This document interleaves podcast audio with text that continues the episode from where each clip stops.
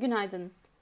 Katkıda vergi giderlerinin ve artan finansal giderlerin etkisiyle limitli 3 katılımcılı piyasa anketindeki 3. çeyrek net kar beklentisi olan 79 milyon TL'nin altında 49 milyon TL net kar açıklamıştır.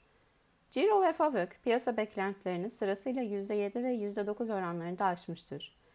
Şirketin operasyonel olarak domates salçası ve konserve ürünlerini içeren sonuçlarına göre gelirler yıllık bazda %167 artışla 749 milyon TL, FAVÖK yıllık bazda %281 artışla 117 milyon TL ve net kar yıllık bazda %67 artışla 49 milyon TL'dir.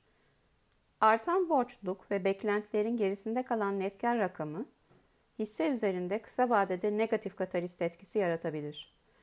Sonuçları hakkındaki telekonferansı bugün Türkiye saatiyle 4.30'dadır.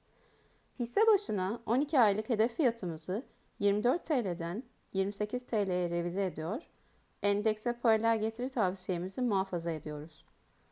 Finansallar ve makro revizyonlar ışığında yaptığımız değişikliklerle 2022 Ciro ve FOVÖK rakamlarımızı sırasıyla %20 ve %31 yukarı çekerken net kar beklentimizi artan finansal giderler ve efektif vergi oranının da etkisiyle koruduk. İyi günler dilerim.